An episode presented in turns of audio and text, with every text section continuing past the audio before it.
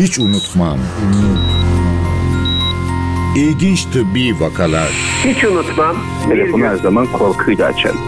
Bu ne yazık ki bizim işimizin doğası. Hiç unutmam. Yeni bir yol denemek zorundaydık. Ve denedik. Çaresizlikten. Ve bütün ekip aynı mutluluğu yaşadık.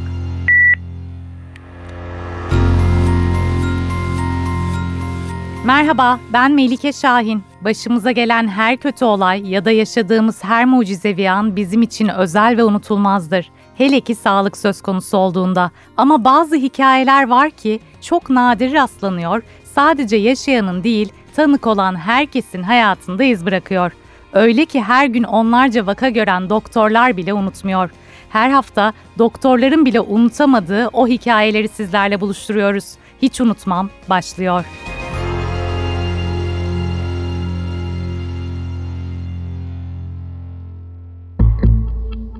Cilde iyi gelsin diye kullanılan bir bitki en fazla neye neden olabilir? Komaya sokabilir mi mesela? Bir organın bitmesine neden olabilir mi? Peki öldürebilir mi? Bu hafta gastroenteroloji uzmanı Profesör Doktor Mehmet Cindoruk anlatıyor. 20 yaşında bir genç kızın ibretlik öyküsünü duymaya hazır mısınız? Hadi başlayalım. Merhaba Mehmet Bey programımıza hoş geldiniz. Merhabalar, hoş bulduk. Bize biraz vakanızdan bahseder misiniz? Ne zaman gelmişti? Hangi şikayetlerle gördünüz ilk olarak? Şimdi vakamız tabii 19 veya 20 yaşlar. Çünkü tam niyet net söyleyeyim. Çünkü 10-15 yıl kadar oldu. Belki de 15 yıl oldu süreyi. İlginç bir vaka olduğu için bugün sizlerle paylaşmak istedim. Ortalama bir 15 yıl önceki bir vakamız. 20 yaşlarında bir genç, bir bayan arkadaş. Hastamız 2 gün önce başlayan bir kaşıntı ve arkasında gelişen bir sarılık, sağ yan ağrısı, sanki böyle bir kolestit yani safra kesesi iltihabı gibi duran bir vaka gibi başlamış şikayetleri. Bu şekilde hasta acile müracaat ediyor. Acilde hastanın biraz geldiğinde de tabii iki gün önce bir şikayetlere başlamış. O süreyi evde geçirmişti hasta. Hı hı. Ee, iki gün sonra acile geldiğinde hafif de biraz şuurunda bulanıklık vardı. Hı hı. Dolayısıyla biz tabii bizim ilk bakan ekip acilde bakan ekip hemen doğrudan doğruya bir karaciğer koması gibi düşünmüşler ve bizlerle konsült etmişlerdi. Ben de o zaman büyük ihtimalle doçenttim. Evet o dönemde doçentliğim dönemdeydi. Bizden konsültasyon istediğinde gördüm ben aslında. Hastayı gördüğümde böyle grade 1-2 düzey yani derecelendirirsek birden dörde kadar karaciğer beyni tutuyor. Yani şöyle tutuyor. Karaciğer komasında beyin çok etkileniyor. Amonyak Hı hı. kanda birikiyor. Biriken amonyak beyinde bir takım duyu bozukluğu, bir müddet sonra fonksiyon bozukluğu, en sonunda da komaya kadar gidebilecek ileri evre bir komplikasyona yol açıyor ve ondan dolayı bazen maalesef hastamızı kaybediyoruz. Ölüm gerçekleşiyor.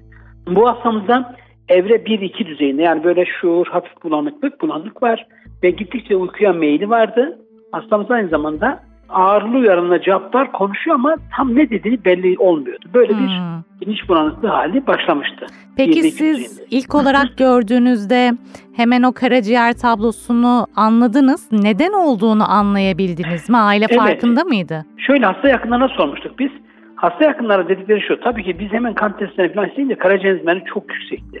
Yani alette şu anda hatırladığım kadarıyla 1500 civarlarındaydı. Normal değeri diyelim ki 40 civarı olsa yaklaşık yani neredeyse 30-40 kadar, katı kadar artma var. Hı hı. Yani 1500 civarında bir karaciğer enzimi vardı. Bilirubinleri çok yüksekti. Total bilirubini 20 civarındaydı. Yani kolestatik bir hepatit Hı hı. tablosu. Yani safra kanalının tıkanıklığı gibi duruyor. Ama bu tıkanıklığı biz hemen ekart ettik. Ultrasona falan baktık. Öyle bir taş falan değil. Doğrudan doğru karaciğerin parankim hastalığı gibi yani. Karaciğeri bozan bir hadise var. Hı hı. Karaciğer bozmuş.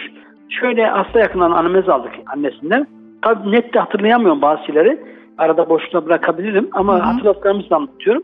Hastayı biraz izlediğimizde hasta iki gün önce bir e, cilt e, herhalde e, cilt bakım ürünü gibi şey. Dışarıdan sürüne değil, sür- sürülen tarzda değil yani dıştan bir lokal uygulamalı değil yüze. Hı hı. İçme tarzında bir bitki e, özü bir şey almışlar aktardan. Veya işte bir komşusu mu tarif etmiş ne yapmış onu bilmiyorum ama bir, bir şekilde bitkisel bir ilaç kullanımı var öyküsü. Hı hı. Onu içmiş, ağızdan almış. Sürme yok yani dışarıya Hı hı. lokal sürme değil. Niye diyorum arasındaki fark? Çünkü lokal sürse belki o zaman ciltte bir yanık yapar, bir şey yapar ama sistemik dolaşıma, kan dolaşıma geçmesi ağızdan almış bunu. Böyle içmeli bir solüsyon tarzında bitki ürünü. Hiç böyle bir tıbbi bir beşeri bir ilaç şey gibi değil. Tıbbi bir gözlerinden geçmeyen aktar türü veyahut da başka türlü komşunun tarifini alınmış bir bitkisel solüsyon Hı hı. almış ve onu kullanmış. 2-3 gün kadar üst üste içmiş. İçtikten sonra ilk başta bir ara karın ağrıları olmuş. Öyle diyor anlatıyordu. Karın ağrıları Hı hı. vardı. Karın ağrının sonra diyor ki kaşıntım başladı. Sonradan diyor gözlerinde sararma olmuş. Annesi anlatıyordu. İşte bunların hepsi karaciğerin bulgularını ortaya çıkarıyor. Yani bir ilaç şeyi öyküsü var. Herbal diyoruz. Bitkisel bir ilaç Hı alımı var. hı. Ve hemen onun takibinde bir halsizlik, yorgunluk, ondan sonra bir bitkinlik tarif ediyor. Ondan sonra kaşıntı başladı diyor. Sonra diyor böyle gözlerim sarardı diyor. Yani kolesterik hepatitimiz yani bildiğin kandaki değerler yükseliyor. Safra kanalları artık staz oluşuyor. Biz o dönemde elinde ultrason yaptık. Kesen normalde, kanallar normalde. O yüzden bir taşvin olmadığını ekart ettik. Safra kanal taşvin olmasın diye onlar yok. Karaciğer parankimi yaygın normaldi yani infiltre eden, ciğer tutan bir lezyon yoktu. Hatta CT bile çektik. Onu hatırlıyorum. Şimdi aklıma gelince söylüyorum size.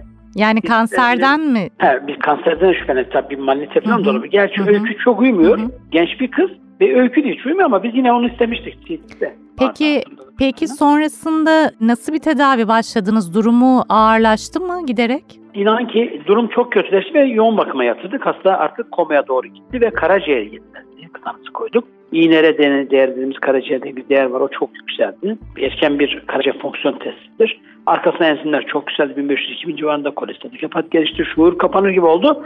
Biz hastaya toksik hepat tanısı koyduk. Tabii ki ilk önce normal bitkisel bu ilaçların tedavisini ortadan kaldıracak antidot ilaçlar şu anda denedik denemedik bilmiyorum ama Hı hı. vermiş olabilir. Onların çok kısa süreli hiçbir şey yaramayacağını anladığımız için hastaya acil karaciğer nakli endikasyonu doğdu. Hı hı. Trans komitemiz vardı o zaman bizim. O trans komitesinde tartıştık ettik ve hastaya acil trans kararı verdik. Size Tabii ki- geldikten ne kadar sonra o yoğun bakım tablosu yani oluştu? tahminim iki, bize geldikten bir buçuk iki gün sonra bu olaylar gelişti. Hı hı. Gittikçe hasta kötüleşti. Hı hı. Akut bir vaziyetten acil aldık yoğun bakıma yatırdık. Bizim gastroenterolojide takibini yapıyorduk ama bu takip esnasında hastanın genel durumu çok bozulunca da biz bir şekilde o trans komitesi vardı bizde. Hı hı. O zaman konseyimiz toplanıyorduk. O dönemde o konseyde toplandık ve tabii konsey çok geniştir. Trans yapan ekip giriyor, patolog giriyor, biz de giriyoruz gastroenterolog olarak. Orada konseyde tartışıldı ve ondan sonra hastaya karaciğer nakli önerildi. Peki Tabii e, ki. var mıydı Karaciğer böyle bir? nakli- hı. Karaciğer naklini hemen bulmak kolay değil. Yani kadavradan bulmak kolay değil. Artık canlıdan alalım diye bir ön görüş ve aile de bunu kabul etti. Özellikle annesi kabul etti. Hı hı. Ve annesinden aldığımız bir karaciğer parçasını hastaya trans yaptı. Peki anne, aile nasıl karşıladı bu durumu? Yani cildi güzelleşsin, düzelsin diye kullanılan bir Tabii, bitkiden tabii. Yani- çocuklarını kaybediyorlarmış neredeyse. İşte maalesef şöyle dediğiniz çok doğru. Onun farkında değiller. Yani basit bir solüsyon. Şöyle zaten bu bakın şu anda biz biraz bundan örnek alıp günümüze uyarlarsak biz o hastamızın sonucu nasıl oldu? O hastamız bir kere karaciğer naklinden kurtuldu. Ama herkes o kadar şanslı değil. Gerçekten bu hasta şanslı. Yani acile müracaat etmesi, büyük bir üniteye müracaat etmesi, orada trans konseyinin toplanması, acil trans karar alınması ve vericinin bulunması. Bazen hastalar aileden dahi alamıyoruz. Tutmuyor, etmiyor. Gönüllü bir verici bulamıyoruz. Mecburen kadavrada beklerken hastayı kaybediyoruz. Bu bir şans işi. Annesi aslında ikinci kez kızına hayat vermiş oldu Tabii değil ne mi? demek ya ikinci defa hayat verdi. Yani bu çok güzel böyle bir hakikaten bir film senaryosu olabilecek kadar böyle bir şeydi. Önemli bir olay. Hayatı kurtuldu. Tabii ki bu aile şundan çok üzüldü. Yani basit bir cilt güzelleştirici diye alınan bir solüsyon, içilen bir solüsyon ne hallere getirdi karaciğeri. E şimdi biz bunu günümüzde de çok görüyoruz. Nasıl görüyoruz günümüzde de? İşte ben normalde kendi ofisimde de baktığım hastalarda da Gazi Üniversitesi'nde öğretim üyesiyim gastroenterolojide. Dolayısıyla orada da baktığım hastalarda. Ve de aynı zamanda iki- ikinci bir kimliğim de Türk Gastroenteroloji Dernek Başkanıyım ben Hı aynı zamanda. Dolayısıyla kendi camiamızda da duyuyoruz bunları. Oturduğumuzda kongrelerde vaka, vaka sunumu olarak getiriyorlar bazen arkadaşlar. Orada dinliyoruz. Hakikaten çok fazla. Fonksiyonel tıp diye bir şey, bir grup oluşturuldu. Tabii ben burada bu grubun hepsine bir laf etmek şeyinde değilim kesinlikle. Yani gerçekten ispatlanmış, bilimin kabul ettiği, kurulların kabul ettiği, konseylerin kabul ettiği bir solüsyon veya başka bir şeyse, fonksiyonel tıp için gerekli olan bir malzeme ise zaten bunun FDA onayı alması gerekir. Hı hı. FDA dediğimiz ne? Amerika'daki bir ilaç şeylerinin onay veren, bu ilacın yani daha doğrusu üretilen materyalin ilaç olarak veya medikal malzeme olarak kullanımını öneren bir Food Drug Addiction dediğimiz yani FDA, onaylı bir komite var. Bu komite onaylarsa zaten ilaç düzeyine geliyor ve do- dolayısıyla satılıyor o ilaç. O zaman normal eczanemizde ruhsatlı ilaç olarak satılıyor. Bunda bir sıkıntı yok. Onlar çünkü testlerden geçiyor. Birçok modellerden geçerek piyasaya çıkıyor. Faz çalışmaları var. Faz 1, faz 2, faz 3, faz 4. Onları bitirince de böyle oluyor. Bunları son yıllarda Covid'den duyduk. Faz çalışması bitirmesi için aşırı bile yaptırmadık değil mi? Sanıyorum Pandemide bile faz çalışmalarını bekledik. Hepimiz sıraya girdik ama şu faz çalışmaları bitsin ondan sonra aşımız olalım dedik. Yani hemen onu bile direkt kullanmadık. O kadar acil durumda bile. Son Ama şimdi- dönemde sanki şey var yani böyle bir doğalı olan ilgi var. Doğal ürün kullanalım, ilaç kullanmayalım, bitkiler kullanalım ama burada çok yanlış anlaşılan bir konu var. Bitkiler tamamıyla masum gibi düşünülüyor ama aslında öyle değil değil mi? Yani çok böyle klasik bir söz vardır. Doz önemli, zehirle şifayı ayıran değil Kesinlikle. mi? Evet. Çok doğrusu çok önemli bir konuya yani e, parmak bastınız. Konu şu. Esasında deniyor ki ya bu bitkiden elde ediyor kardeşim. Bütün ilaçlar bitkiden elde ediliyor. Yani sorun bitkiden elde edilmeme, edip, edilip edilmemesi meselesi değil. Nereden elde edilsin. Yani insandan elde edilsin, hayvandan elde edilsin, bitkiden elde edilsin. Bunların ilaç olarak dozu önemli. Bunun bu miktar. Bunun mesela bir cc'si insana bir zarar vermez ama iki cc zarar verir. Ama o o standart edemiyor o arkadaşımız onu üreten. Neden? Çünkü bilmiyor. İşin kimyoloji, kimyası var, işin, işin fizyolojisi var, işin biyokimyasal analizleri var, tetleri var. Bu iş bu kadar kolay olsaydı bu kadar milyon dolarlık veya milyar dolarlık yatırımlar yapılır mıydı? Bu ilaç sanayisi niye bu kadar emek versin değil mi? Al köyden getir yap.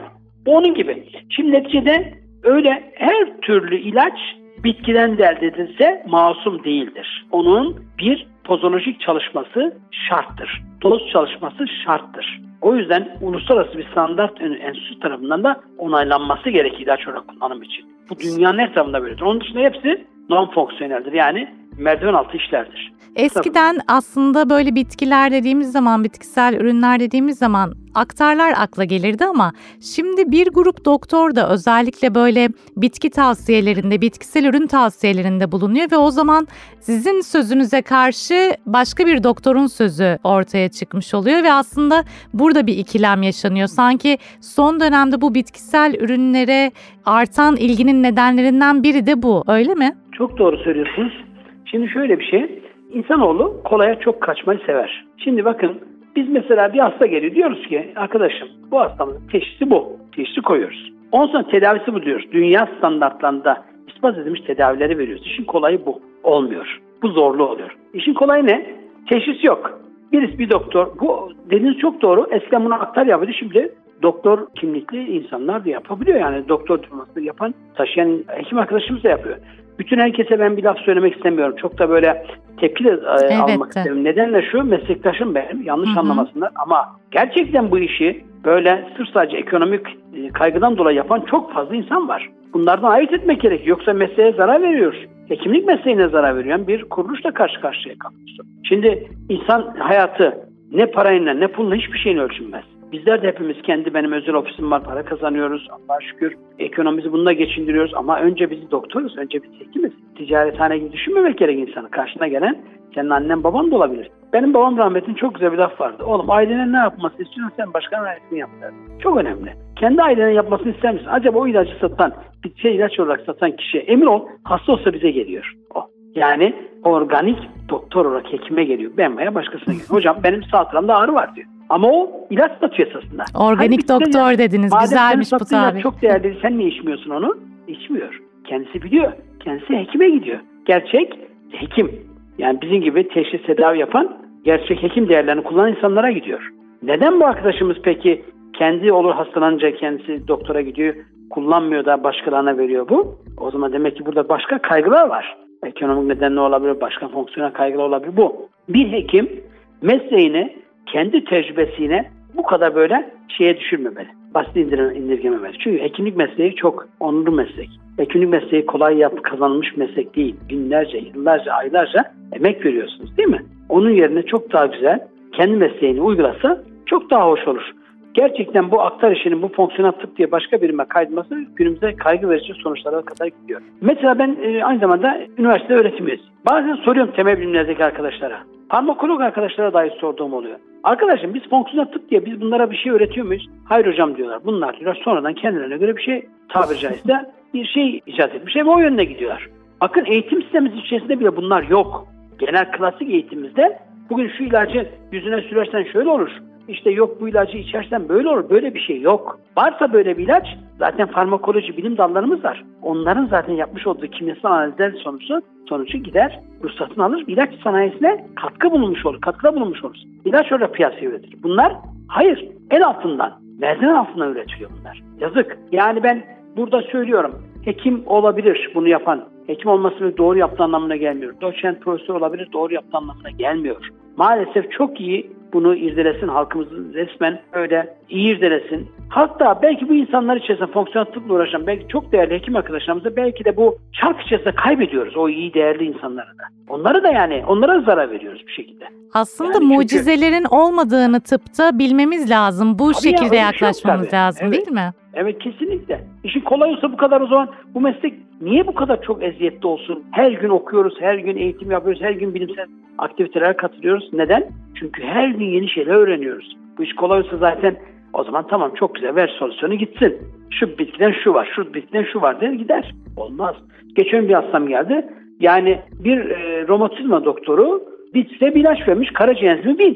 Ya kardeşim yani bu enzim ben, ben inan ki o solüsyon şeyi görmedim. Şöyle yani ilacı aldım kutusunu. Şimdi çok söylemiyorum marka şeye de girmesin, reklama da girmesin. Nereden aldığını da söylemeyeyim. İnanın ki şaşırdım. İşte resmen şişeye ambalajlanmış etmiş ve bunu veriyor. Vermiş ama karaciğer enzimi bin civarındaydı hastam. Ağrım var diye bunu vermiş. Yani onun yerine gerçek tedavisini verirsin. Sanki sosyal medyada son dönemde biraz bunu körüklüyor değil mi? Maalesef maalesef özellikle e, görsel medyamızda yani görsel medyada öyle televizyona çıkar- çıkartmalar orada çok güzel sorular sormalar İnan ki biz bazen gerçek tıpla uğraşan hekim arkadaşlarımız biz orada yer bulamıyoruz. Bakın ben Türk Gastroenteroloji Derneği olarak sizler gibi insanlarla sizler gibi çok değerli gazeteci arkadaşlarımızla böyle bir röportajlar yapma şansına sahibiz. Bizleri bazı kanallarda bazı yerlerde görme şansına hiç sahip değilsiniz. Şimdi burada söylemek istemiyorum. Birçok yani kaygıyla oraya bizi çağırıyorlar. Şöyle olsun böyle olsun diye. Biz de onları kabul etmiyoruz. Biz Hı hı. diyoruz gerçek hekimlik ne varsa bilgisi onu gidip söyleyelim. Yazık. Olmaz. Yani herkes namusuyla şerefine para kazansın. Kimseye bir şey dediğim yok ama hakikaten hastaya zarar vermeyecek şekilde götüreceğiz. Başka çaremiz yok. Yoksa kimsenin şeyine değil emek veriyor ayrı konu. Yıllarca okumuştur ayrı konu. Onlar ayrı konu. Hepsi onlar ayrı ama biz diyoruz ki hekimlik onurunu hiçbir şeyine değiştirmeyelim. Mesleğimizi yapalım. Karşında da zaten güzelce ekonomikte kaygın gider, devlette çalışıyorsan devlet de sana her türlü imkanlar sağlar. Yani sen yeter ki hekimlik onurunu iyi, iyi korumaya çalış diye diyorum. Bunu da ne adına söylüyorum? Türk Gastroenteroloji Dernek Başkanı olarak söylüyorum. Yani bir kurumsal kimliğim, Hı hı. kimlikle de söylüyorum aynı zamanda. Kendi de anlatıyoruz. Ama yoksa tabii ki yeni şeyler üretmekte fayda var, bilimsel çalışmalara destek vermekte fayda var. Biz de yapıyoruz. Bir sürü faz çalışmasına katılıyoruz hepimiz. Neden? Yani ileride bir ilaç çıkacak veya bir medikal malzeme çıkacak ona katkı sağlayalım. Bu arkadaşlar da böyle bir şey yapabilirler. Faz çalışmalarına katılsınlar. Çok memnunlarsa bu solüsyonları kendileri üretmişse veya bir yerden elde etmişlerse götürsünler versinler. Faz çalışmalarına katsınlar. Sonuçta iyi çıkarsa hem patent hakkıyla çok da iyi para kazanırlar hem de bütün dünya tıbbına çok bir katkı sağlarlar. Var mı böyle bir şey? Yok. O zaman bu da yanlış. Yazık. İnsanlarımızı koruyalım yani. Çok teşekkür ederim Sayın Profesör Doktor Mehmet Cindoruk hem anlattığınız ibretlik öykü hem de verdiğiniz değerli bilgiler için. Ben çok teşekkür ederim. Bize bu zamanı ayırdığınız için kısa bir zamanda da biraz derdimizi anlatma şansına sahip olduk. Çok teşekkür ediyorum. Sağ olun. Cildi güzelleşsin diye komşusunun tavsiye ettiği bitkisel ürünü içmeye başladı. Şuur kaybıyla yoğun bakımlık oldu. O alt tarafı bir bitki çayı dediğimiz şey 20 yaşında bir genç kızın ölümle burun buruna gelmesine neden oldu. Annesinin karaciğeriyle yeniden hayata tutundu. Bu hafta gastroenteroloji uzmanı Profesör Doktor Mehmet Cindoruk anlattı. Bu vesileyle hatırlatalım. Bitkiler sanıldığı kadar masum değil. Bilinçsizce kullanıldığında bitkisel ürünler aslında organlara geri dönülmez hasarlar verebiliyor. Hatta ölüme kadar götürebiliyor. Ben Melike Şahin, prodüksiyondaysa Ersin Şişman vardı. Hiç unutmam sona erdi. Haftaya Perşembe günü saat 11.30'da başka bir doktorun unutamadığı hasta öyküsüyle yeniden birlikte olacağız. İyi günler.